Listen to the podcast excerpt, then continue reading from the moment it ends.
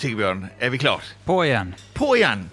Sjølveste kulturpodden under spray. Underspray. I underspray Sunnfjordhalvtimen. Sunnfjordhalvtimen, ja.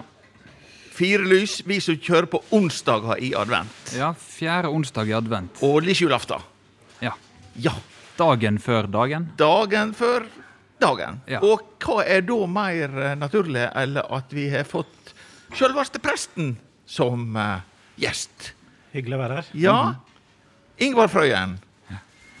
Eh, du er prest i Førde og videre òg? Jeg er prest i, i Førde og Holsen Haugedalen. Ja, Ja. akkurat. Eh, det er så eh, Vi kjører jo denne her kulturpodden og har hatt for oss mat og musikk og eh, handel. Og så nærmer det seg julaften, og da tenkte vi vi må ha, ha presten. Hva, hva er du slags kar? Si litt om deg sjøl. Ikke bare som prest, men sånn eh, andre ting som ikke har med presten å gjøre. Hva slags kar jeg er? Ja, Ja. jeg, er en, eh, jeg ser på meg selv som en livsglad kar. Jeg har eh, vokst opp mange steder. Ja. Så jeg, når folk spør meg om jeg er Jeg er jo norsk, jeg har norsk pass, men jeg har bodd eh, godt og vel 20 år i Afrika. Født i Afrika. ja. Så for meg så er min norske identitet er blandet opp med ganske mye afrikansk og internasjonalt. Ja. Så når jeg tenker jul, eksempel, sånn som vi er nærmer oss nå, Ja. så, så er jo min, min juleerfaring er like mye gresshoppelyder og, og tropisk varme som, eh, som gløgg og, og ribbe. ja. Ja. Dette her som er rundt, rundt eh, selve greia. Ja. Eh, Du, Sigbjørn, vi har jo stålet oss av, vi har stålet oss av hjemmefra i dag. Ja. Vi er tilbake på eh, Ja, vi er liksom andre gang tilbake på Kardemomme. Yes. Ja, hva er det for noe? Det er en kaffebar nyåpna i, eh, i Førde her. Ja. For det, Det- som jeg kaller sentrum sør, og du kaller Jeg kaller det gamle Gjelle bakeri. Ja, Der jeg, eller Gjelle kafé, der jeg hadde konfirmasjonen min. ja og hva var, hvem var da konfirmasjonsprest? Det var han som sitter på hi side av bordet her, Ingvald. Det var, det var han som gjorde konfirmasjonstida levelig, for å si det sånn. Det var en attest å få. Ja. Ja. hyggelig å høre. Ja. Ja. Ja. Um, eh, så du hadde selve selskapet ditt, du, her på det som heter Gjelle, Gjelle bakeri? Yes, jeg Ja. og onkler og tanter og venner og Ja. av deg. Ja, ja, ja. ja. Det å um, eh, Altså, prestehjernen, da, Ingvar. Ja. Eh, Hvor er det? Er ikke det noen eh, Sånn utenfra sett så må jo det være alvorlig mye sceneskifter som er kontrastfylte. Ja, det er det, men, men eh, du, som, du som er litt sånn entertainer sjøl, altså det, det, er, det jo det å møte mennesker i alle slags livssituasjoner. Eh, ingen dager er helt like. Nei. Jeg har jo en plan for uka mi, men man vet jo f.eks. ikke når folk dør. Nei. Så du kan ha en plan, og plutselig så er du oppe i en situasjon du ikke kjenner, så du må, du må snu litt på ting. Du møter mennesker i sorg, i glede. Uh, og så får man lov til å møte barn med masse forundring og undring. Og så er det av og til krevende fordi folk mener at du skal ha veldig mye meninger om alt. En prest vet jo ikke alt. Eh, en prest tror, og en prest tviler. Så jeg er jo egentlig et alminnelig menneske, men som har fått en litt spesiell oppgave, pleier jeg å Ja. si. Jeg jeg har lurt på alle som har en yrkesrolle, blir Ja. jo på en måte definert. Og noen eh, områder er jo mer definert enn andre. Altså, Kommer du inn i en politiuniform, så er det politiet som kommer. Ja. Og, og er det du som kommer, samme hvor du, om du så er i joggedress, så er det presten som kommer. Eh, Føler du at folk oppfører seg litt annerledes når selveste presten kommer inn i lokalet? Mye mindre nå enn før. Altså, Da jeg hadde min første sommervikartjeneste, det var i Tysfjord i, Nord i Nordland. Og det var, Da var jeg bare noen og 20 år. Og da gikk jeg på butikken, og da, Hvis folk hadde vært og handla en pils i kassa, da, for eksempel, så de så meg komme, så gjemte de den bak ryggen. Eh, Sånn er det ikke i Førde. Altså, folk er ikke redde for presten lenger. Eh, og jeg tror den oppvoksende generasjonen har ikke den, måte, det forholdet til det som embetsmenn eller som autoritet som kanskje din generasjon har. Ja. Så jeg tror det har forandra seg veldig. ja. Så jeg, når jeg går i Førde, så, tenker, så går jeg ikke rundt og tenker på at nå, går, nå tenker folk der kommer presten. Litt mer i bygdene rundt omkring. Men uh, Ja, har du et annet forhold når du kommer i Holsen og Haukedalen? Eh, Er de litt mer eh, her, For å si det på rett ut, er de litt mer folkeskikk for presten der oppe? nei, det er mindre forhold. Der, kjenner jeg flere, og de kjenner meg. Så det, men det er veldig hyggelig. Du kommer tett på folk. Så jeg, jeg føler ikke at det er noe problem. Slettes ikke. Nei. Nei. Men um, savner du litt uh, den gammeldagse presteautoriteten? Nei, definitivt ikke. Altså, jeg, jeg, jeg har vært misjonær i Afrika, og der hadde jeg ikke den autoriteten. Der måtte jeg på en måte jobbe med opp tillit og, og få respekt av folk. Så jeg tenker at det, at jeg ikke er en autoritetsperson i utgangspunktet, det, det gjør meg ingenting. Når du sa, du sa 20 år i Afrika, eh, hva Når vi nå begynner å få denne her eh, mørke adventsstemninga som eh, vi dyrker nå inne på kaffebaren nå, da. Hva Når du tenker tilbake på Afrikatida, hvor de har det i Afrika nå, hva, hva tanker gjør du deg? Altså det er, det er to, forskjellige, to forskjellige Afrika som jeg har et forhold til. Det ene er der jeg, der jeg er født og vokst opp, på Madagaskar. Som jo er en veldig frodig øy, og, og hvor kirken står ganske sterkt Ja. på Madagaskar. Og så er det, så er det landet hvor jeg har jobbet, og som står mitt mitt hjerte nærmest nå, det er Mali i Vest-Afrika. og Der, der tilhørte vi den lille minoriteten på 3% kristne i et land med 97% muslimer. Så jeg har jo feiret jul i mange år på et tidspunkt hvor ingen andre feirer noe som helst. I Mali var det ramadan og de store muslimske høytidene som betød noe. Så det var ingenting i butikker eller rundt omkring som minnet om jul. Og da ble jeg kanskje mer klar over hva jul egentlig var. Og hva var da jul, egentlig? Ja, jula, da handler det, det handler da om, eh, om, om budskapet i julen. Om dette her med å, å se mennesket, om Gud som stiger ned til den fattigste. Og det da formidle det budskapet inn i en verden hvor veldig mange var fattige, faktisk. da. Si at uh, for Gud er alle mennesker like. Uh, Gud ble fattig. Ja. Uh, og det da å formidle det inn i en sammenheng hvor det var kanskje eksplosivt budskap, det var spennende. Og så har jo, tenker jeg, jula i Mali var mye nærmere Betlehem enn en, en Førde. Der hørte vi kamelene brøle, og det lukta eselskitt rett utafor kirken. Så det var jo tett på budskapet, egentlig. Ja. Og veldig mange av de jeg møtte som kom til kirken, var jo sjøl gjetere. Ja. Så når de hørte liksom at gjeterne var de første som hørte om det, sa å, sånne som oss. Ja. Her i Norge må du forklare hva en gjeter er. Ja. Ja, ja, ja. Nå, nå må han det Ja. i, til, eh, til den generasjonen. Ja. Nei, for vi er jo eh, Det er liksom on- onsdagssendinga jeg og Sigbjørn har i Ja. denne Sunnfjordhalvtimen. Og da har vi jo vært innom musikk, mat og handel. Ja. Og det er jo kanskje det, som du kommer inn på nå, er jo kanskje litt sånn drukna i musikk, mat og handel. Ja, men altså, jeg, jeg er både glad i musikk og mat, jeg. Ja. Litt, mindre, litt mindre i handel. Jo, jo, Men, men, eh, det er jo en del av, eh, Jo da, men- av det vi kjører oss opp på fram til eh, i morgen. Fram til Ja julaften. Ja. Og jeg, jeg tenker de, de tradisjonene er gode, de. Det med lukt og smak og, og lyd. Det er viktig. eh, Og det vet jeg som prest òg. Ja. Altså at eh, jeg tenker på det sjøl når jeg nå i koronatiden har besøkt mange eldre eh, som er demente og som har, skal ha besøk av presten helt på slutten.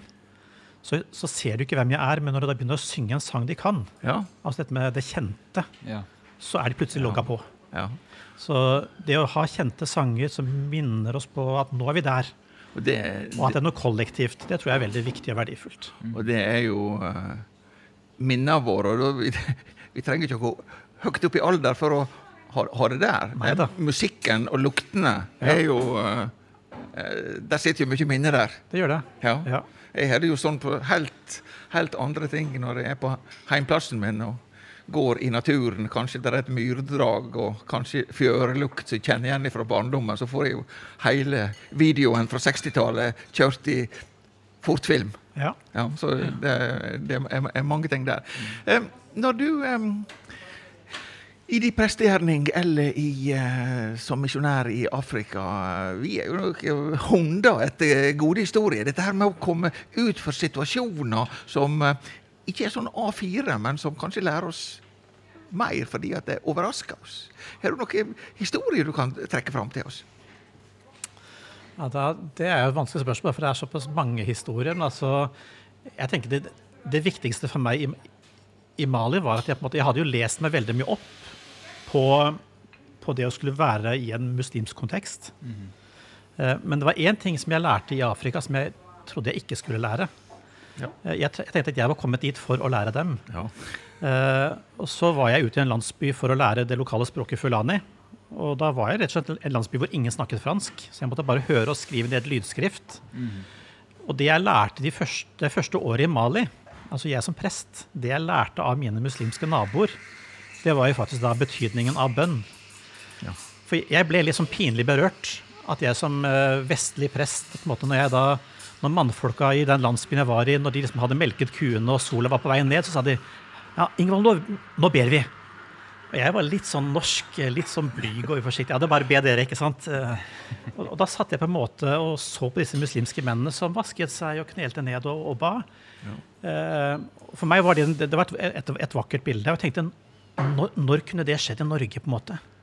At vi på en måte hadde midt i det vi holdt på med, bare la alt til side og sa at eh, nei, men nå, nå takker vi Gud for den fine dagen vi har hatt, og for at alt har gått bra. Mm. Det er sånn, en sånn situasjon jeg tenker på mange ganger. at Det lærte jeg da jeg lærte det av mine muslimske brødre. At, eh, at bønn er viktig som en del av dagens rytme. Ja. Det lærte presten av sine muslimske venner. ja. Eh, Så det, men det, det var kanskje, Tenkte du mer på en sånn morsom historie? du. Nei, det, det, jeg syns at dette var en fin historie. Jeg, Jeg- jeg, har, jeg har en morsom historie om deg. Ja vel? Ja. For I uh, konfirmasjonstida så valgte jeg å være med i Tensing-koret. Og så skulle vi ha konsert i kirka. Og det kulminerte i at uh, du sang Final Countdown i rette tonearten for full hals mens jeg spilte gitar med fullt band i kirka. Jeg husker det. Det- Sprek prest. Det er, det er sånn som gir kred blant ungdommen. Men jeg tror jeg kjenner enda For der, der går, altså, jeg sang nesten i falsetta, ikke sant? Ja. Det er litt sånn stadionrock-nivå på det, ja. Jeg sliter ennå. ja. Ja.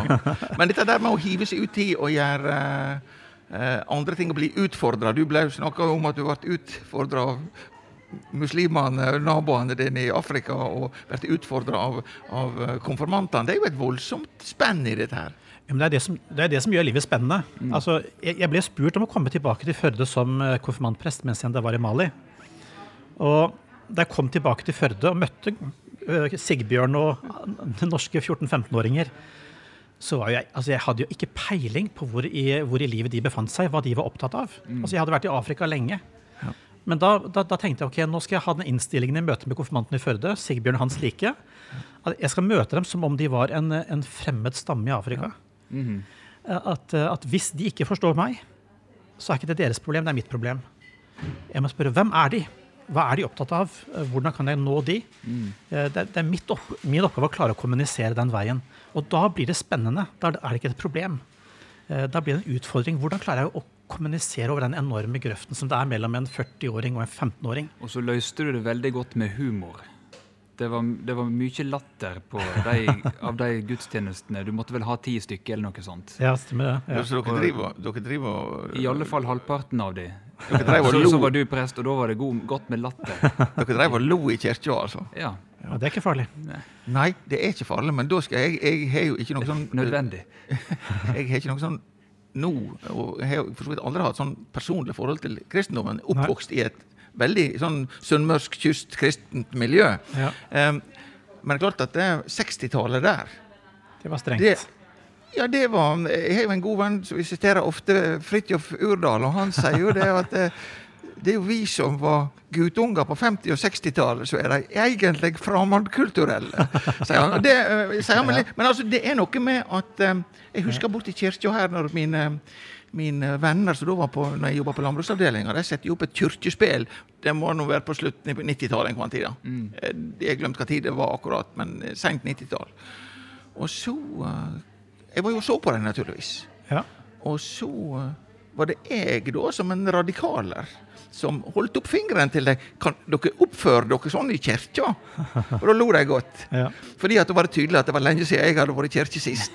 Ja. Og det var jeg som satt igjen i Det var jeg som satt igjen på 60-tallet, for å si det på den måten. Ja. Og jeg syns det ah, Bruker de alterringen som scenografi? Det må da være grenser for. Da ble jeg litt sånn. Ja. Men tilbake til Afrika. Ja. Det å skulle gå inn og være misjonær, hva, hva, eh, hva Du snakka om nøklene for å komme inn i, i nye miljøer. Vi har vært inne på språket og, og sånne ting. Eh, Hva som var den store forskjellen i forhold til uh, det å nå fram med et budskap? Jeg tror veldig jeg tror faktisk ganske mange i dag fortsatt har et veldig sånn gammeldags bilde av hva en misjonær er. Bare navnet er jo sånn der, et sånn fy-ord. ikke sant? Ja, ja. Man ser for seg en som skal påtvinge andre sine meninger. Eh, Men jeg har, så, ofte- jeg har ofte sagt at altså, som misjonær så hvis 100% 10% av tiden så snakker, maksimalt snakket jeg kanskje om min tro. Mens 90% av tiden så var jeg et medmenneske. Ja. Jeg flyttet inn i et lokalmiljø. Vi bodde i et lokalt nabolag. Eh, vi lærte det lokale språket. Jeg kledde meg. Jeg har gått i kjortel og turban i, i åtte år. Ja. Eh, spiste med fingrene sånn som de gjør det. Bodde sammen med de. Eh, deltok i muslimske begravelser, muslimske bryllupet. Var en god nabo, rett og slett. Og det som, det som ga meg anledning til å snakke om min tro, de 10 prosentene, det var jo når min muslimske nabo sa Ingvald, hvorfor er du her? Ja. Hvorfor bryr du deg om oss? Så kunne jeg si jeg ønsker å høre det. Så kunne jeg dele av min tro. Det er samtalen. Jeg har aldri stått ute på et offentlig torg og holdt en appell eller, eller gått og banka på døren til folk. Men jeg har sett, det, er, det er å være sammen med mennesker, og det tenker jeg, det, og de har kommet tett på hverandre. Og åpne opp for de store spørsmålene. Eh, og, eh, og det syns jeg er interessant at det var, på en måte, det var veldig lett faktisk i Mali, selv om alle visste at jeg var kristen. Eh, Så hadde jeg veldig god kontakt, og vi bodde i et 100% muslimsk nabolag. Vi var omgitt av moskeer på alle, alle gater og hjørner. Jeg må litt tilbake til eh, Madagaskar, mener jeg, Ja. der du var født. Hvor lenge bodde du der i tidlig barndom? Fra jeg var Jeg ble født der ute, Ja, og så fram til jeg, det året jeg skulle være konfirmant. Da reiste jeg tilbake til Norge. Oh, ja, du det, var for meg et kjempekultursjokk. Ja, Ja. komme tilbake til Ja, Norge. det vil jeg tro. Eh, Madagaskar er en spesiell klang i mine ører, men det skal jeg komme tilbake til. Eh, dette der med barndommen eh, som var- du sønn av misjonærer òg da? Ja, men, Ja. Min, men min far var ikke prest. Han, han var skolemisjonær. Han, Ja, han ja, ja. drev med skole. Ja. Ja. Men hvor eh, Litt sånn karakterisering av eh, Folk er jo også forma, du var jo inne på det innledningsvis, av, av den tidlige barndommen. Hva, hva er det du sitter igjen med fra din barndom i, eh, på Madagaskar? Nei, altså, jeg, tror, jeg tror det viktigste jeg har lært som menneske fra, fra det å bli født inn i en annen sammenheng, det er, det er å vite at verden er større enn Norge. Og at jeg er, eh, jeg er veldig glad i andre steder. Jeg var tilbake til Madagaskar for første gang det året jeg fylte 50, som er for ni år siden. Ja. Da tok jeg med familien min, så de skulle være med tilbake og se Madagaskar og skjønne hvorfor jeg er som jeg er. Ja. Eh, og da hadde jeg på en måte assosiert Du nevnte her noe, dine minner fra Sunnmøre med lukten av myra. Da kom jeg tilbake til en landsby som jeg, hvor mine foreldre hadde bodd. Da kom jeg ut på en rismark tidlig om morgenen. Jeg sa jeg må ut klokka seks, for jeg, for jeg hadde en sånn følelse. Så gikk jeg ut der. Og da jeg kjente lukta fra disse der morgenbålene, og så gjeterne kom, så da bare kom tårene, og jeg Ja. begynte å grine. Fordi jeg kjente at dette er jo meg. Ja. Ja, sånn. Altså Min identitet er mer enn den norske. Ja. Det er summen av alt jeg har opplevd og vært. Eh, skal jeg gi deg stikkordet Madagaskar. Um, uh, for jeg kommer jo fra Madagaskar. Det Er det jeg som kommer fra Madagaskar? Nei da, tuller med deg nå.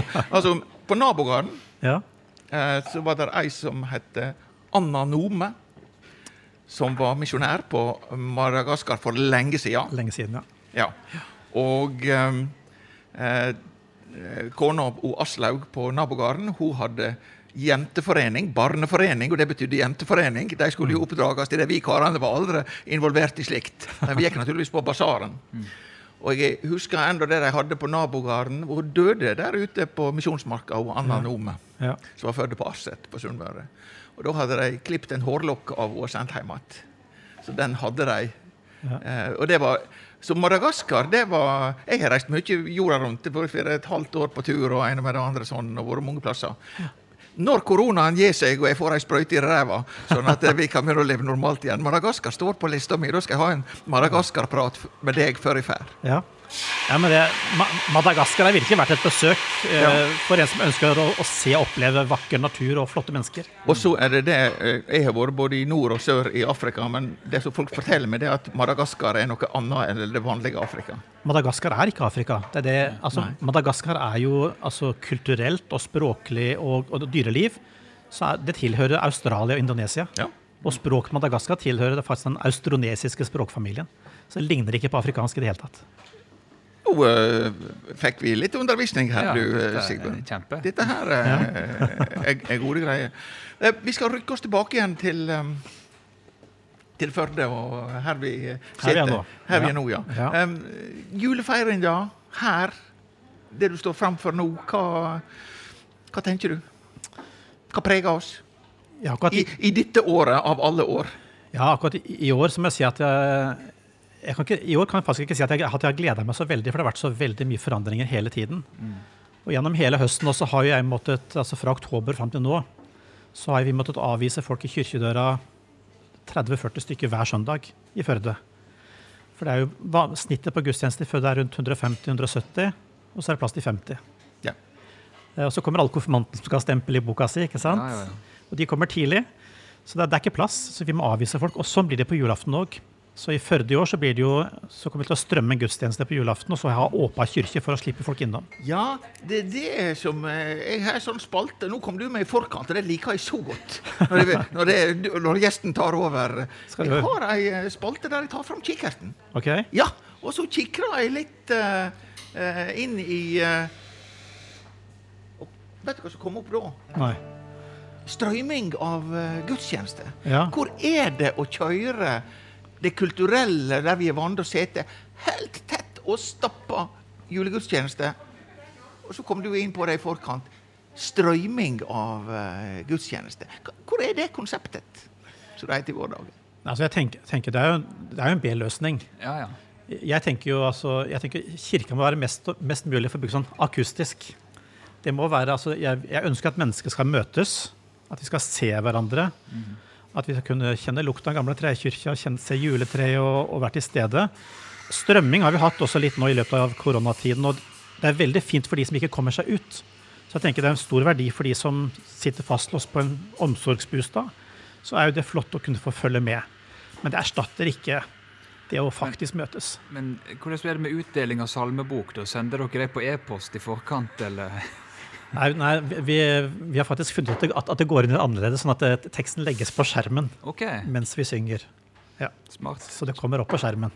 Det kommer opp på skjermen. Dette her er en ny verden. Du, Sigbjørn, er du en sånn uh, ivrig kirkegjenger, eller er du høgst da på jeg er julaften? Jeg er, jeg er oppvokst i en sånn noenlunde kristen hjem, og jeg er konfirmert, men jeg er ikke praktiserende, kan du si. Eh, Så eh, Nei, men Det er ikke jeg heller, men jeg var nå på- i kyrkja på julaften i fjor. Mest, det meste jeg har vært i kirka, har vært med kor og med andre ting der jeg har gitar eller synger eller et eller annet sånt. For å underholde andre. Ja, Sjelden jeg er der for å bli underholdt sjøl. akkurat. Så, så du er en sånn kar du, Sigmund, at du går ikke på noe annet der du har noe å bidra med, og du vil ikke høre på presten? Jo, jeg vil gjerne høre på presten, det er ikke noe problem, det. Men det er stort sett der jeg trengs at jeg møter opp. Ja, sånn som her. Ja. Ja, ja, ja. Vi eh, drar oss tilbake igjen til, til eh, eh, Førde og lokalavisa vår. Det er jo dette her med kirkelig stoff og lokalavisa Firda. Hvordan ligger an med det? Hva du Ja, nå, er det de som Nå bruker vi den plattformen på julaften når vi skal sende ut. Så, så da er vi Da bruker vi den plattformen for å nå lengst mulig ut. Det, er- det er veldig bra. Du strømmer via Firda. Ja, Ja. ja, så det er Der bra. har du samarbeidet. Ja, for det, det er for at vi skal ha mest nå lengst mulig ut. Og ellers, klart, eh, jeg, jeg tror nok ikke kirkestoff er det som er mest interessant for Firda. Eh, Nei, men hvorfor det? Nei, det må nesten Firda svare på sjøl. Men du set, ja, det må de. Ja. Vi skal nå sikkert ha Firda-redaktøren her en annen gang, men i dag var det du som var her. Hva, hva tanker gjør du deg om at eh, i noen sammenhenger så blir kirka veldig interessant, for å bruke et sånt ord på det? Ja. Eksempel julaften, for eksempel når vi har store nasjonale ting som eh, beveger oss. Men i det hverdagslige så er det, som du sjøl sier, 170. Ja, så jeg tror, altså, poenget er altså 170 høres ikke ut så mye, men det er klart vi, altså, i løpet av ett år da, så har vi rundt 30 000 innen Førde kirke. Nå skal vi lete lenge etter en kulturinstitusjon. altså Hvis du spør Sunnfjord museum eller idrettslag, hvor mange har dere innom i løpet av et år på et arrangement, så er det klart det er, det er ikke mange som har det. Men klart, de 30 000, det er jo ikke bare gudstjenester. Jeg tror veldig mange ser seg blinde på det. da. Det er alle gravferdene hvor du sikkert, dere sikkert har vært mange ganger. ikke sant? Seneste Senest på koronagravferd. Ja. Ja. Eh, Det er gravferdene, det er bryllupene, det er alle de andre sammenhengene. Det er eh, skolebesøk, ikke bare gudstjenester, men skolebesøk. Hvor de er innom for å lære om kyrkja, lokalkirka. Eh, Så det er mange ulike møtepunkt. Det er barnehagene som er på besøk eh, før jul og, og, og lærer om hva jul og påske er. Altså sånne ting. Sånn at det er eh, Så jeg tenker nok at eh, at kyrkja hadde fortjent litt mer oppmerksomhet fordi det er en, en viktig møteplass for mange mennesker Ja. i Førde, faktisk. Ja. Det betyr ikke at man bør være enig i alt vi står for, men at det er en viktig møteplass, og at det er et, er på et punkt som veldig mange av livene våre roterer rundt. Det tenker jeg gjør at det, det fortjener litt oppmerksomhet. Det gjør det. Så Firda kunne ha strekt seg et hakk. eh. Men har du noen spreke planer? da? Nå skal vi jo på en måte gripe stunda og lage bilder og styre på, sånn at det, media kommer til oss. Har du noen eh, planer om å lokke Firda mer på plass? Nei, men jeg tenker, det, det tenker jeg er litt viktig for meg, faktisk. At jeg har ikke lyst til å være den, altså, den hippeste og fresheste hele tiden. Kyrkja skal være der. Vi skal være selvfølgelig i tiden. Mens vi skal være det som ikke forandrer seg. Altså, alt forandrer seg jo. Og det er godt at ikke noe forandrer seg hele tiden. Men blir ikke det litt konservativt? Nei, jeg tenker det Altså, eh, budskapet er det vi, Altså, formen kan forandre seg. Mm. Vi skal bygge om Førde kirke litt til våren. Ja. Vi har fått midler til det nå. Så det blir jo Det så vi i Firda. Ja, og det var veldig bra. En Ja. flott artikkel. Ja. Eh, Sånn at det, det å få lagt til rette for at vi kan være en mer tilpassa til vår tid, og for alle grupper, også de med funksjonshemming, Ja. eh, det er kjempeviktig. Og så må vi eh, fornye musikken vår. eh, Få inn eh, rytmisk musikk. Vi har valgt en ny liturgi nå som er litt mer rytmisk, faktisk. Som vi begynte med nå første søndag i advent. Sånn at det å åpne opp for andre uttrykk. Der ga du med et stikkord. For sånne program som vi kjører nå, så er det jo dette her med også å fornye seg også måten vi ser på Firda på. Og da er det jo til styret, styret her. Ja, leser du på papir, eller leser du eh, digitalt, eller hvor er dette her? Men jeg er så heldig å ha med meg Sigbjørn, og han synger Firda. Altså bra. Ja, sånn at Ja. da, da, da kanskje det er billige triks på dette med fornying, eh, rent allment. Denne gangen starta leteaksjonen i Firda etter noe, men Ja. det endte ikke der. Nei. For I fjor, i desember Ja, nå er du på vesle julaften-modus, så det holder. Ja, i fjor ja, ja. I, i desember, da var det veldig fokus på beredskap. Det var to breie sider. ene var en Ove Myrmel som har fire frysere fulle av mat, klar for krise.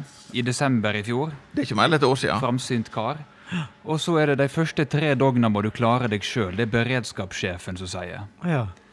Og så har ikke jeg sett så heise mye om beredskap. Kanskje vi er i beredskap nå? Jeg vet ikke. Noe der. Så da har jeg printa ut DSB sin beredskapsplan og tenkte jeg skulle prøve å synge den. Den bør synges. Ja. Ja, den bør synges. Kommer du med han på en julesang òg? Nei. Nei, det, det gjør jeg ikke. Det, Det er en tone du har laga sjøl. dette er en tone jeg har laga sjøl. Ja, det høres bra ut. Kriser og ulykker er det viktig at du har tilgang på offisiell informasjon om hva som skjer og hva du bør gjøre. Varslingsagne en gang til. Varslingsanleggene, ofte kalt tyfoner eller flyalarmen, kan brukes når befolkning skal varsles om akutt fare. Når alarmen uler, betyr det at du må søke informasjon. NRK P1 er beredskapskanalen som skal sikre informasjon til publikum også dersom andre nyhetsmedier og offentlige nettsider ikke er tilgjengelig.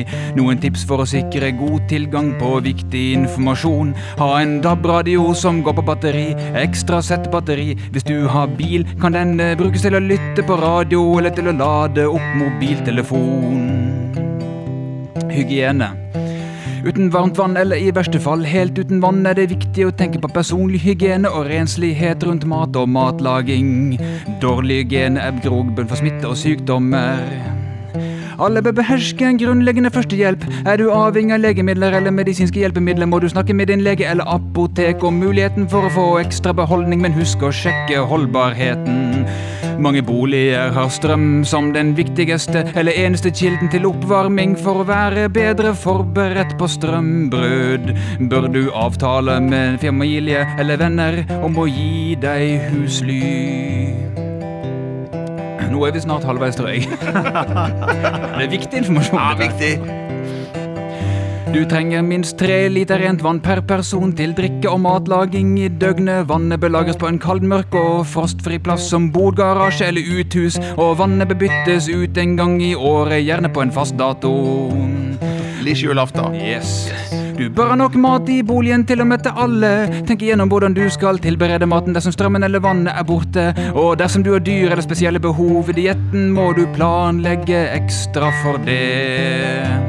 Tenk gjennom eh, hva som kan skje eh, der du bor, og hvordan du og de rundt deg kan bli rammet, og hvordan dere sammen kan håndtere det. Finn ut om noen kan trenge hjelp, og hvordan du kan bidra. Sørg for at det utstyret du planlegger å bruke i en nødsituasjon, virker, og at du vet hvordan det fungerer. Lær deg grunnleggende førstehjelp og finn ut hvordan din kommune holder deg informert i en krise. Du trenger ni liter vann, to pakker knekkebrød, én pakke havregryn, tre bokser middagshermetikk eller tre poser tørrmat per person. Og tre bokser pålegg med lang holdbarhet, noen poser tørket frukt eller nøtter, kjeks og sjokolade, medisiner du er avhengig av, vedgass eller parafinom til oppvarming, grill eller kokkeapparat som går på gass. Stearinlys, lommelykt og batterier, parafinlampe, fyrstikker eller leiter, varme klær, pledd og sovepose, førstehjelpspakke, batteridrevet DAB-radio, batteri og batteribank, mobillader til bilen og våtservietter og desinfeksjonsmiddel, tørke og toalettpapir, litt kontanter, ekstra drivstoff, ved, gass, parafin, rødsprit, oppvarming og matlaging og jodtabletter for gravide, ammende og barn under 18 år. God beredskap handler ikke bare om hva du har i skapet, men også hva du har i hodet. Beredskap handler ikke bare om hva du har i skapet, men også hva du har i hodet. Det var det. Ja! Det siste, Ingvar. det siste der var veldig bra. Ja, Ingvar, jo, men det blir sånn når Stigmund setter seg til å, å, å, å synge det som egentlig er litt eh, kjedelig beredskap eller artikler i Firda, eller hva det måtte være, så kommer det fram på en litt eh, ny måte. Kirka, du, presten, eh, beredskap, dette her med På ditt felt, hva, hva tenker dere i sånne situasjoner? Når vi plutselig blir kasta om eh, hele samfunnet, som vi nå ble i, i mars. Ja, altså, du, vi, er- vi, vi er, jeg er jo beredskapsprest hele, hele året, også når, det ikke er, eh, også når det ikke er krise.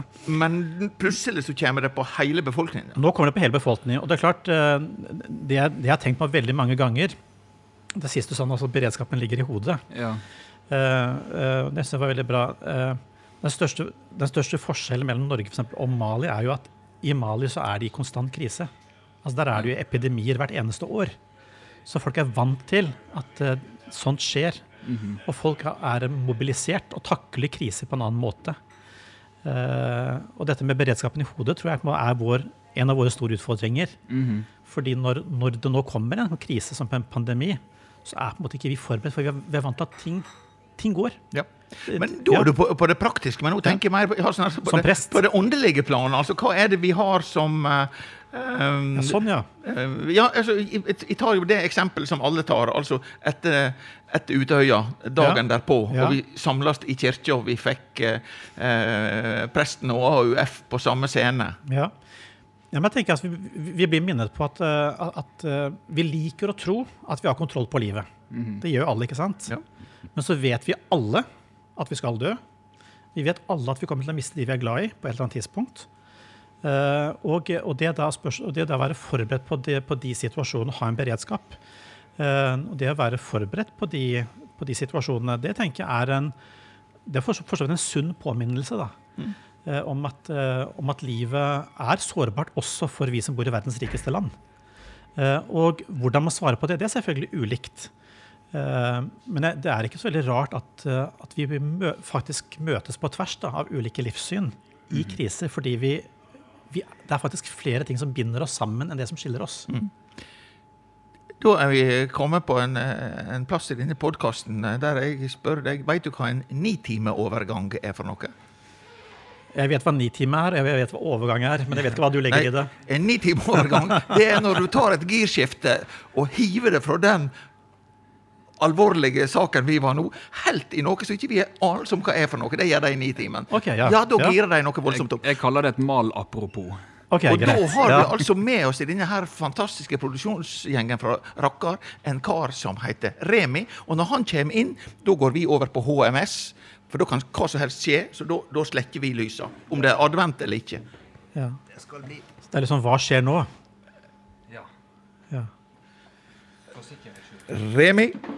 Og da må musikanten vike sete. Vi har tre mikrofoner. Er, og... det er noe tull når jeg kommer inn Nei, da er det, det, da er det eh, tøys. Og så er det jo litt, sånn, litt artig, bare si det, så han ikke hører. Det er jo, Remi han er jo en uh, veldig livlig kar. Så får vi se om han har litt ekstra respekt for presten. Det er jeg veldig spent på. Det. Det kan, her kan alt skje. Remi, Remi, Remi. Takk, takk, takk. Jeg pleier å få høre det at eh, jeg har ikke respekt for autoriteter. Jeg tar alle under samme kam. Men eh, i dag eh, så eh, har jeg liksom tenkt det at det pleier å være mye forskjellige utfordringer på denne podden når jeg kommer Ja. inn i bildet. Eh, det er både alt fra mye styr til helt ned på jorda. og, så jeg tenkte i dag at siden vi nå ikke er i det vanlige lokalene som vi pleier å være, så kjører vi det litt mindre freakshow i dag.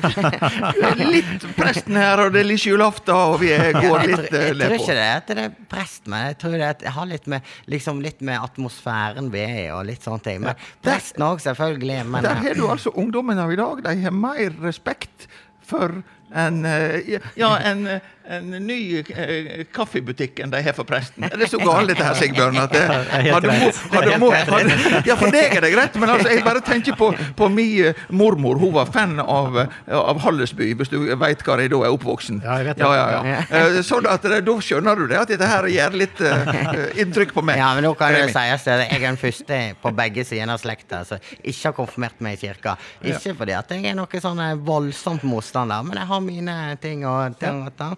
Så, men eh, absolutt eh, full respekt for alle folk. Det er det jeg sier. Lik respekt. skal vi se. Det som jeg tenkte i dag, det var det at eh, vi faktisk skal Hans Jakob han er jo en bolsmikkel til de grader. Han liker jo å bolse på seg at han kan alt mulig. Du, nå må jeg sjekke litt dialekt. Bor du i Naustdal, er det sånn? Ja. Bolsing er et ord du uh, fortru- for, fortruler med. Jeg, jeg, jeg, jeg jobber litt med det. Altså, er, er det sånn som rolsing? Bols Eh, kan du gi en, en, eh, en på bolsing? Ja, altså, Jeg vet ikke om jeg er rette person til å gi en definisjon, men en bolsing det er, det er altså en, en eh, pratmaker, eller en skrytmaker. Ok, ja, det, er med, ja. Det er en som eh, mener at eh, Ja. Ja, For eksempel Stian Gremseth og Naustdalsmiljøet på vektløfting, når de rocker seg opp for å ta tungeluft, luft, da går de og bolser. Og Ja, altså, bolser ja. seg opp. Ja, ja, eller ja, det kan være hva som Altså, Hans Jakob er jo et perfekt eksempel på en bollsmykke. Ja, tror du det? Nei, det som var det at eh, Hans Jakob han har uttalt seg altså så flott og sier det at eh, han eh, Bibel, så holder jeg på å si. Han eh, er bibelmann. Yes! Eh, Så det som er Jeg er ikke så veldig bibelmann, så jeg har forberedt meg eh, så godt så at jeg har vært inn på Statskanalen sine sider og funnet en en quiz. Jeg tror at det er det de mener at eh, de bør eh, at Sånn er det å ha kompiser, sant? Så setter meg opp mot sjølveste presten. Kom igjen! dette blir spennende. Så det er rett og slett eh, en quiz jeg utvikla i samarbeid med han Alf Kjetil Valgermo, som har skrevet den boka 'En røff guide til, Til Bibelen. Til Bibelen ja. Så det tror jeg vi bare kjører i gang. Og dette her er jo en eh, digital quiz, så jeg eh, får jo al så om det er rett eller galt med en gang her. Ja. Så da tror jeg vi begynner, og da er det tittelen på første, og Englene sang. Og der er det 'Juleevangeliet blir lest i Norske kirke hver julaften'. Her får vi høre om Jesu fødsel. I hva by ble Jesu født? Og da er det fire alternativ, men jeg tror ikke du trenger noe alternativ. Det, vi får spørsmål én og én her, da. Ja, ja, Betlehem. Det må jo være grenser for hvor lett det kan være. Var, Da svarer vi Betlehem. Vil du eh, bekrefte svaret? Jeg bekrefter det, ja. Ja. Og da kan jeg bekrefte at det var korrekt. Da går vi over til neste. En ny byrjing for Noah og dyret hans. Og da er det i bibelfortellinga om Noahs ark regner det i 40 dager og 40 netter, og vannet fløymer over jorda. Til slutt begynner vannstanden å minke igjen, og arka strander på Aratfjella. Noah sender to ulike fugler for å sjekke om det er trygt å forlate arka. Hva for en fugl kommer tilbake med en friskt oljebad i nebbet? Blad. Oljeblad, ja. Nei, der må jeg Nå, er nå vet ikke eh, jeg- helt reglene. Spør du han Er spørsmål? det er du som tar quizen? Han skal få lov til å bekrefte. Å, hjelp oss! eh, Der trenger jeg alternativ. alternativ. Da er det en ravn, ei due, en albatross, en spurv. Dette burde jeg vite. Og Takrocka. Nei. Eh, ram, Ramnunga roper. Jeg sier at det var en ravn. en ravn. Ja, det Det var feil. feil. Det var feil. Du har, det, er, det er jo symbolet med fredsduen, som, som må brukes i mange sammenhenger. Ah. Ja, det var der du ville hinte meg, Duen med, jeg ville hinte deg, for det, Ja. det brukes jo fortsatt Ja, også i ikke-kristne sammenhenger som et Ja. symbol på fred. Det viser jo det at eh, han har litt mer greie på det enn deg. Det eneste jeg kan holde for meg, det er at dette var Gamle testamentet, men vi hadde jo det. Vi hadde jo det. Ja. Jeg kan Kom igjen, du. med at jeg kunne ikke ha svart på alle spørsmålene heller. Eh, fra yndlingssønn til slave. I første Mosebok kan vi også lese historien om eh, hebreagutten Josef som blir solgt som slave til Egypt. Mannen kan tjene eh, Mannen han tjente, var livvaktsjef hos den egyptiske faraoen. Hva heter livvaktsjefen? Og da er det fire alternativ. Det. Pilatus, Paulus, Potif Potifar, Peres. Eller Nei, Peres. Det var nok Potifar. Bekrefte? Det stemmer, og kona het ikke Potimor. Nei, ikke. Men, Øystein, men, men da har vi Potifar, men vi, altså. vi, har en, vi har en ekspert på det, og siden du ikke har mikrofon, Sigbjørn han kan sin Øystein Sunde. Så vi har hvert Ja, ja. våre Ja. Og der heter det Potimor. Ja, jeg vet det. Var derfor, det var derfor jeg sa det. Og da er det neste spørsmål, spørsmål fire. Bak enhver stor mann. Moses eh, leier folket sitt fra Egypt og tok imot Guds lover, annet de ti båda på Sinai-fjellet. Moses var uten tvil en stor mann, men hva hette den første kona hans? Da er det fire alternativ. Miriam, Rakel, Asenat eller Sippora. Sippora. Sippora. Det var ikke, det var ikke Miriam, for det var søstera. Eh, Han, jeg, jeg prøver å lirke, prøver å gå i allianser. Hun var så kjepp. og jeg tok- Men, eh, Nei, men jeg, åh, Rakel og Lea, hvem det var Ikke mye bolsing her nå. Nei, Jeg må fortsatt fire alternativer en gang til. Du kjører meg kraftig på defensiven. nå. Miriam, Problemet, er- Rakel problemet er sånn at han har respekt for meg, for nå, nå føler han at han står konfirmasjonsrett og svarer feil foran presten. Det var problemet at jeg har ikke stått som konfirmant. Så. Kom igjen med en gang til. Miriam, Rakel, Asenat eller Sippora? Sippora. Tunis, Tunis. Jeg går for Rakel. Ja, det er da, da vil jeg, jeg ville svart Sippora. Du vil, og da sjekker vi. Eh, med, da trykker vi Rakel. Og da kan jeg bekrefte det at eh, du er nok en gang eh, slått eh, danka ut av presten. Men hvem var Rakel og Lea? Mm. Jakob og Esau. Den fortellingen der. Ja, ja. Vi går videre. Vi har Det var fortsatt noen nabokapitlet. spørsmål vi Ja, skal ja, ja. Vi må være snarere. Kvinne i mannsdominerte yrke. Før Israel ble et kongedømme, var det israelistiske samfunnet styrt av såkalte dommere. Bibelen forteller at eh, i disse dommer, eh, dommerne var ei kvinne. Hva het hun? Og det er fire alternativ. Deborah, Deilila, eh, Bate, Bat, Batseba, Hulda. Jeg er ikke så god på navn. Nei, får ta den nest. Jeg får jeg får bare skyte fra hofta igjen. Jeg tar Deborah. jeg. Deborah, vil du Jeg, ville, jeg er ikke helt sikker, men jeg ville, jeg ville sagt det samme. Ja, da sjekker vi fasit. 100% korrekt. Dette er svære greier, det vil jeg si. Og da er det neste tittelen 'Den vondes problem'.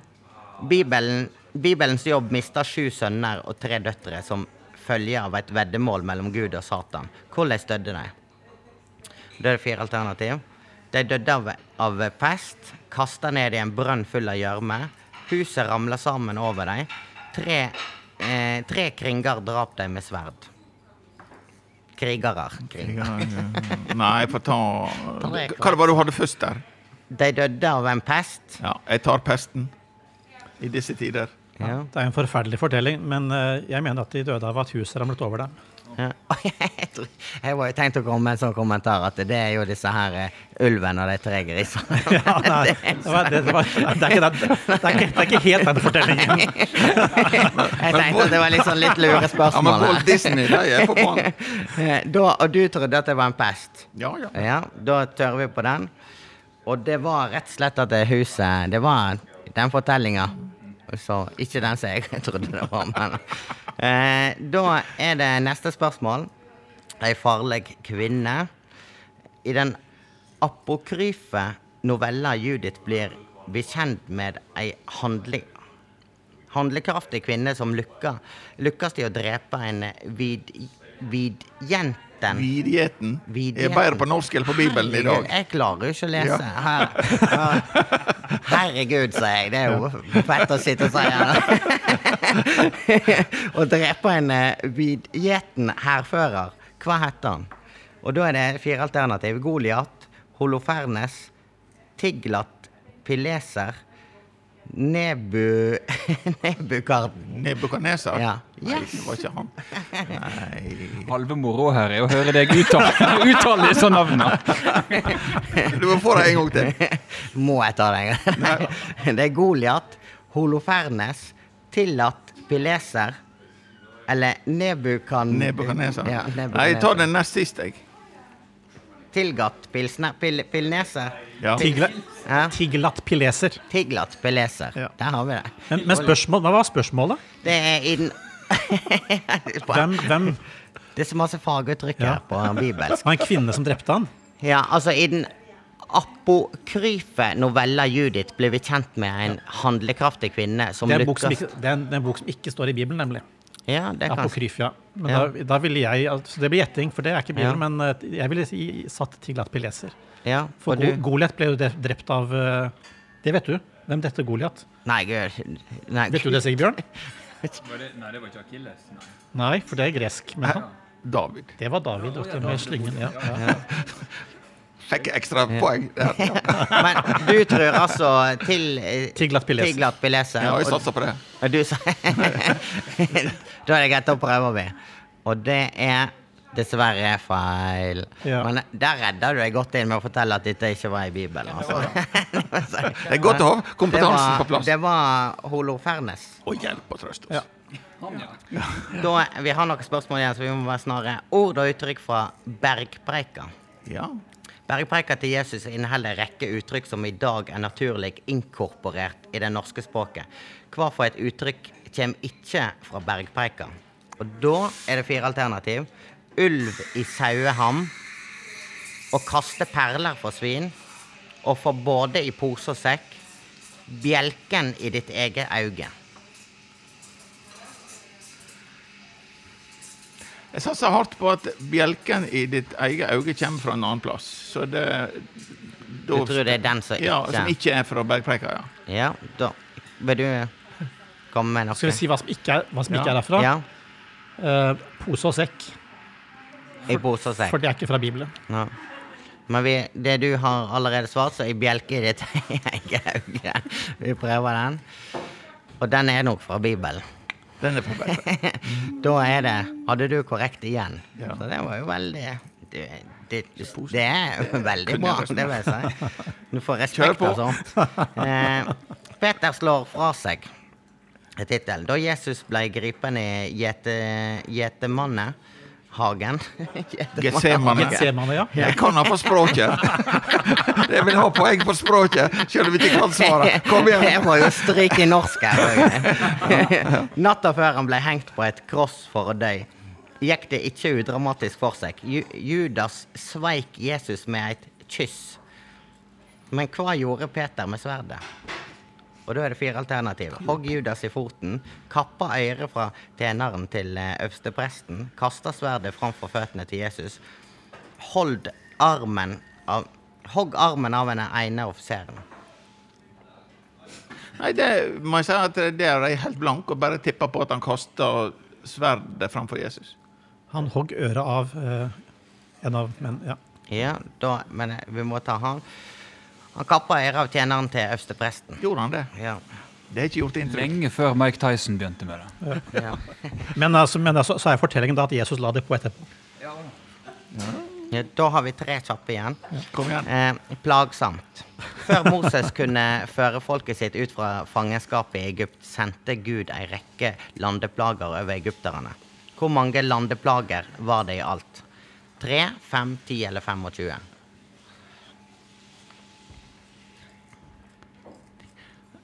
Nei, jeg satt jo og våg på at det måtte være sju. Men eh, nei, ti, eh, ti, eh, ti landeplager. Nå ble jeg faktisk usikker, men jeg ville sagt fem. Da kjører vi ti her på. Og det, da hadde jeg faktisk han så Jakob. Han er nå Veldig bra. Jeg jeg, jeg, vet du hva, jeg husker det var sju, men det var ikke alternativ. Nei, jeg òg det var sju. Ja, det er sånt godt. Ja, ja, men eh, Grei var det hva godt at jeg fikk, Det kaller vi trøstemål. Kom igjen. Et vidunder av en by. I Johannes' åpenbaring hører vi om det nye Jerusalem, en by som ikke trenger lys for verken sol eller måne. Eh, For Gud sjøl lyser opp byen. Byen blir skildra som ei kube. Hvor langt, breit og høyt er det nye Jerusalem? Fire alternativ. 7 km, 20 mil, 70 mil, 222 mil. Jeg går for king size. Dette vet jeg ingenting om. Ja, det vet jeg ikke. Og da tar du 222. ja, ja, ja. Skal det nå være noe? Et, Et nytt Jerusalem Ja, stiger det ned fra himmelen? Det er flaks, altså. Den var fullt Jo, men det lå i korta der. Spørs du ikke. Du kan få deg en assistent oppi Skal vi se, da er det, nest, da er det siste spørsmål. Tid for mirakel.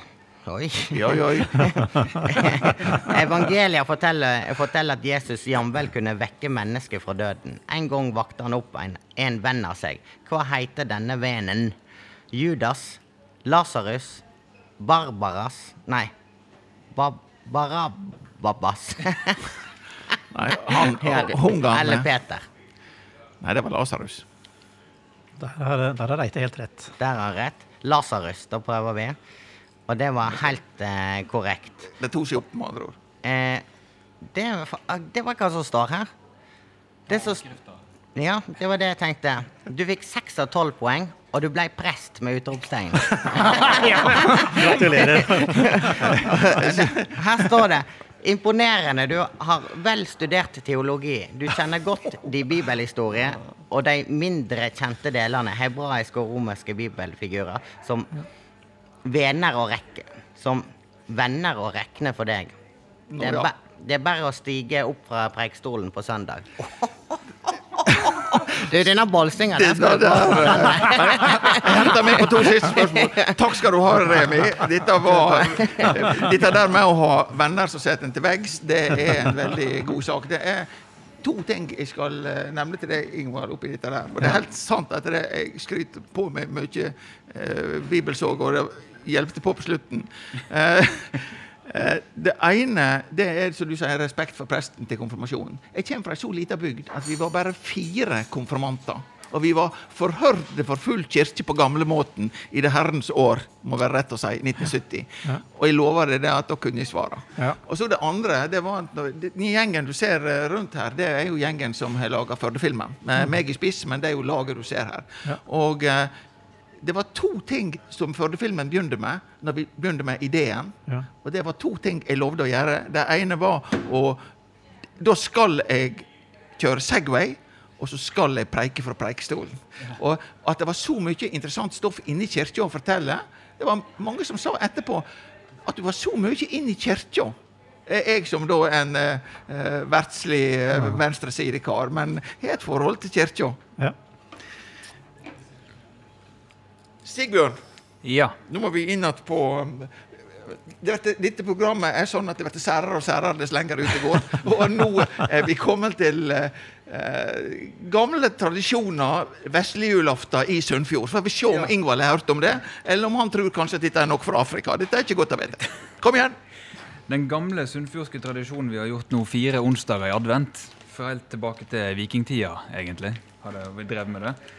Vi feirer onsdagen i advent ved å sette nellikspiker i raspeballen, den sunnfjordske appelsina. Um, hvis, jeg, hvis jeg får den opp, sånn, så får opp uh, posen her. Trenger du fat? Jeg har fat. Du har julefat med. Jeg har tatt med meg fata, Morgana. Ja. Um, og på lille julaften, fjerde onsdag i advent i år, da er, å, da er det tradisjon for å ikke ete ballen på torsdagen, men legge den i lake ei veke og ete den i romjula. Det er, Svenskene har surstrømming, og vi har surball.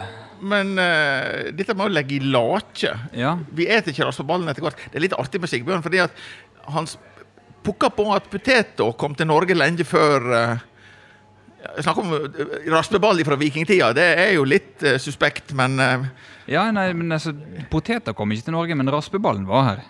den har vært her hele tida. Den Å ja. Så du skjønner det at det, Det, det, det var nesten med høna og egget, vet du. Ja, det, det er noe der, men du ser det at det, eh, det er ikke all teologi som er så god å forstå sjøl i mattradisjonene. Der eh, Potet, poteter kom først når en raspeball spirte. Sant? De hadde hevet den ut bak. Og så, var, det var da poteter oppsto. Ja. Nå, har vi- nå har vi fire spiker i ballen, ja. og den skal nå legges i lake fram til i romjula. Så da blir ikke det raspeballtorsdag på julaften. Nei, da er det jo eh, ribbe eller pinnekjøtt eller lutefisk eller hva nå enn en skal finne Hva du på. har som julemat? Vi varierer, vi veksler mellom For jeg er vant til svineribbe, Ja, og så har kona mi vant til pinnekjøtt. Så vi har annenhver jul. annenhver jul. Og den, den dagen i romjula så er det vanlig å lese ifra historier jeg har granska fram her om, eh, om denne her eh, raspeballgreia. Har jo hatt voldsomme ringvirkninger rundt omkring på kontinentet. Ja, Eh, Jeg skal ikke ta hele nå, men jeg kan ta første avsnittet. Historia om kompetanseutviklinga i det tyske samveldet. Ja, Kompetanse er jo tysk for eh, raspeballdans. Og, komp og kompar, vet du hva det er?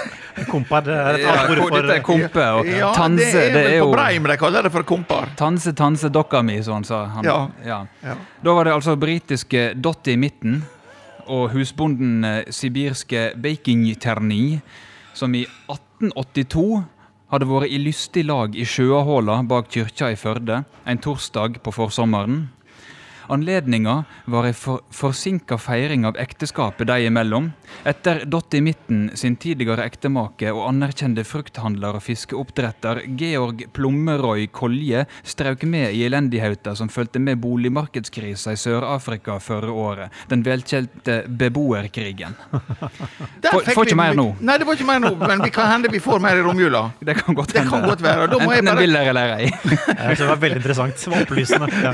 Ja, veldig opplysende. Og så er det til eh, Remi som sitter borti kroken der, at neste gang denne her raspeballteologien, den må også få sin quiz. Og det kommer, til å bli eh, Der kommer til å være langt mellom, langt mellom rette svar. Eh, Vi må eh, haste oss eh, videre.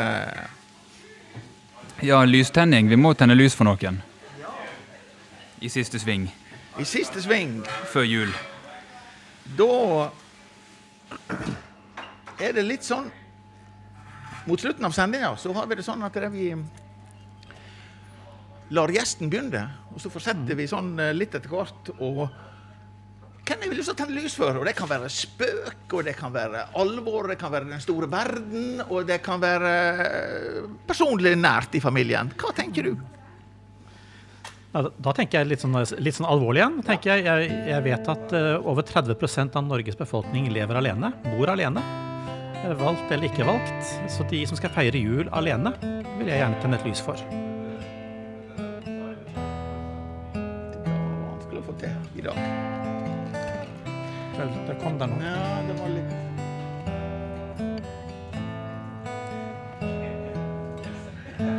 Ja, men det brenner, det der. Det kan kanskje. Du kan fyre på ett til meg med en gang, fordi at eh, jeg har faktisk valgt å tenne lys for det samme, de som er ensomme i jula. Kanskje spesielt de som er ensomme uten at det har noe med korona å gjøre. Så hvis en kjenner noen som en kanskje tror sitter og er ensom, så gjør det ikke noe om de får en telefon for mye heller enn en for lite. Da er det min tur.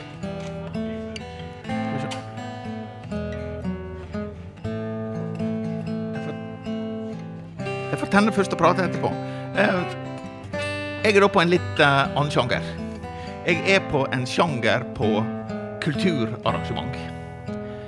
Og jeg tenner lys for Førdefestivalen. Og jeg skal forklare hvorfor. Ikke fordi at jeg er annerledes det spesielle. Jeg håper på at det kommer folk fra hele verden. Og at vi kan stå. Og at vi kan synge i lag uten distanse. Det lengter jeg etter.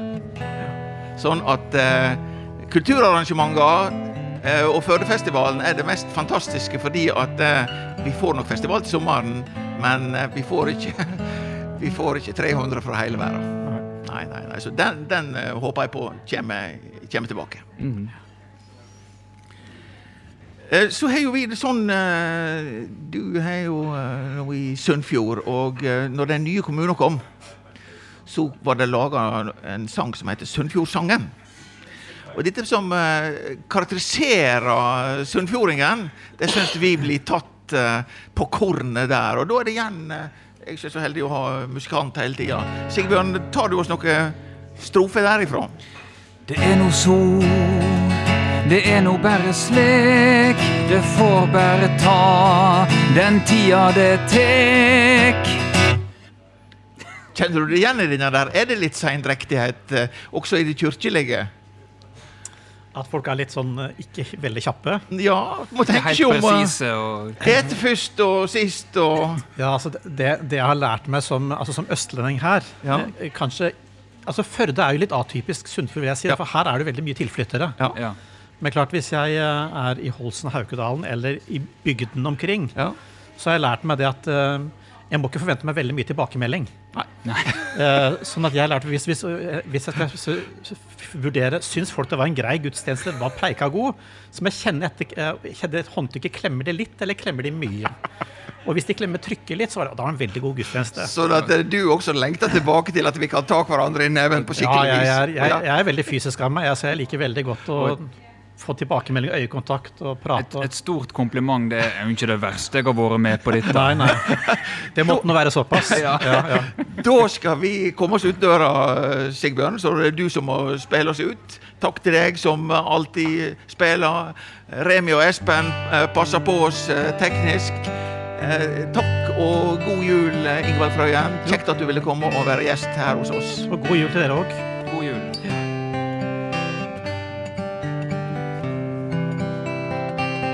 Takk til deg, Hans Jakob.